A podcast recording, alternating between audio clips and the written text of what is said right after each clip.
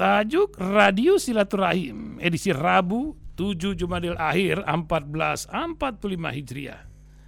Bertepatan dengan 20 Desember 2023. Diberi judul Islam dan Kekurangan Figur Pemimpin Hebat. Sebuah tulisan Khalili Hasib, artikel hidayatullah.com. Dalam sejarah Islam, terdapat model terbaik pemimpin negara, terbaik sedunia di masa itu. Mereka disebut Hulafa Rasyidin, artinya para khalifah yang mendapatkan petunjuk Allah Subhanahu wa taala. Istilah yang digunakan untuk menyebut empat orang khalifah yang memimpin umat Islam setelah wafatnya Nabi Muhammad Wasallam. Mereka adalah Abu Bakar, Umar bin Khattab, Utsman bin Affan dan Ali bin Abi Talib radhiyallahu anhum.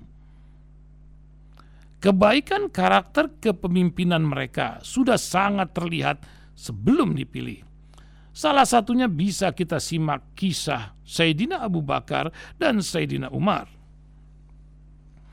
Sayyidina Abu Bakar As-Siddiq dalam pidato pertamanya saat diresmikan menjadi khalifah. Dia tidak terlihat bergembira, apalagi berpesta.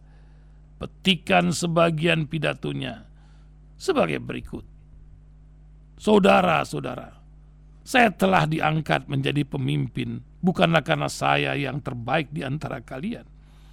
Untuk itu, jika saya berbuat baik, bantulah saya, dan jika saya berbuat salah, luruskanlah. Patuhilah saya selama saya mematuhi Allah dan Rasulnya. Jika saya durhaka kepada Allah dan Rasulnya, maka tidak ada kewajiban bagi kalian untuk mematuhi saya Semoga Allah melimpahkan rahmatnya kepada kita. Lalu ketika Sayyidina Umar bin Khattab dilantik menjadi khalifah, saat itu dia justru menangis. Orang-orang pun bertanya, "Wahai Amirul Mukminin, mengapa engkau menangis dengan jabatan ini?" Umar menjawab, "Saya ini tegas, banyak orang yang takut pada saya." Kalau saya nanti salah, lalu siapa yang berani mengingatkan? Lalu seorang Arab Badui dengan pedang terhunus berkata, "Saya yang akan mengingatkan Anda dengan pedang ini." Alhamdulillah, ujar Umar radhiyallahu anhu. Lihatlah sikap kedua khalifah di atas. Abu Bakar tidak sombong arogan, dan tidak ambisius saat terpilih menjadi pemimpin. Ia mengatakan, "Jika saya berbuat salah, luruskanlah." Abu Bakar siap menerima masukan, membuka pintu untuk nasihat, tidak menutup telinga, dan tidak salah keluarkan kata-kata. Beliau bertutur lembut, sopan tapi tegas Abu Bakar tidak hanya pintar dan cerdas, tetapi jujur dan tawadu. Setiap berpidato selalu menyentuh hati. Ketika berkhutbah selalu mengandung uswah, bijak dalam bertindak. Abu Bakar selalu tepat dalam memutuskan kebijakan. Tidak merugikan yang kaya dan tidak mengecewakan yang miskin. Ini karakter pemimpin cerdas dan adil.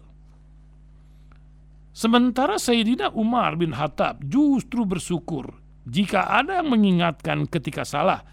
Justru ia khawatir jika tidak ada orang yang berani mengingatkannya. Beliau merupakan tipikal pemimpin yang paling tegas di antara empat khalifah dan paling tawadu. Pantas saja ia dicintai rakyatnya dan disegani Romawi musuhnya. Utusan Raja Romawi yang pernah terheran-heran dengan penampilan baju Khalifah Umar. Heran karena seperti baju yang dikenakan mirip baju rakyat. Tetapi wibawanya menyamai Raja Romawi.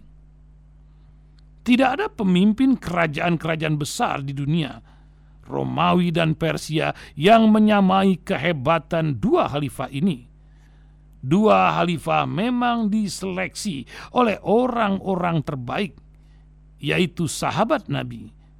Wajar akhirnya yang terpilih adalah orang-orang terbaik. Oleh karena itu, khalifah itu juga seorang imam. Ilmunya terdepan, ahlaknya terdepan, wibawanya dan kecerdasannya paling depan.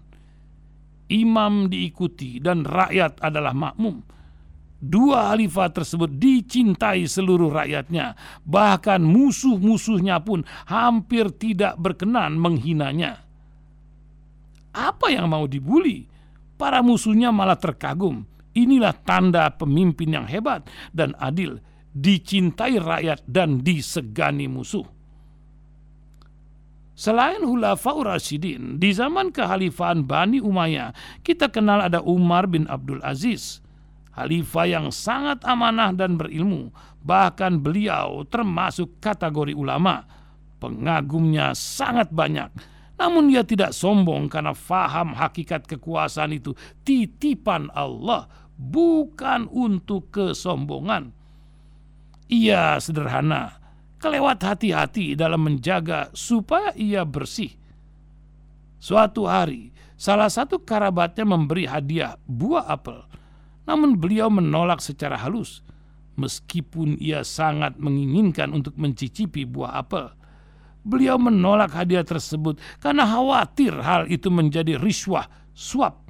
Padahal kerabatnya beliau tidak bermaksud memberi suap. Pemimpin hebat itu berasal dari rakyat-rakyat hebat yang memilihnya. Kita perlu pemimpin yang memiliki visi dan misi yang kuat dan jelas Salah satunya dalam bidang pendidikan. Sarapan dan susu memang penting, tetapi gizi, otak, dan hati lebih penting lagi. Apa visi dan misi pendidikan seorang pemimpin untuk menuju Indonesia emas? Semua kebutuhan yang menunjang pendidikan harus dipenuhi. Itulah karakter yang dan mental pemimpin yang hebat. Karena seorang muslim tidak pernah kekurangan teladan hebat. Persoalannya sekarang, berminatkah para pemimpin kita hari ini menjadikan mereka sebagai teladan dan model? Dari segi kekuasaan, mereka sukses, maka layak ditiru mentalnya oleh pemimpin kita. Wallahu a'lam.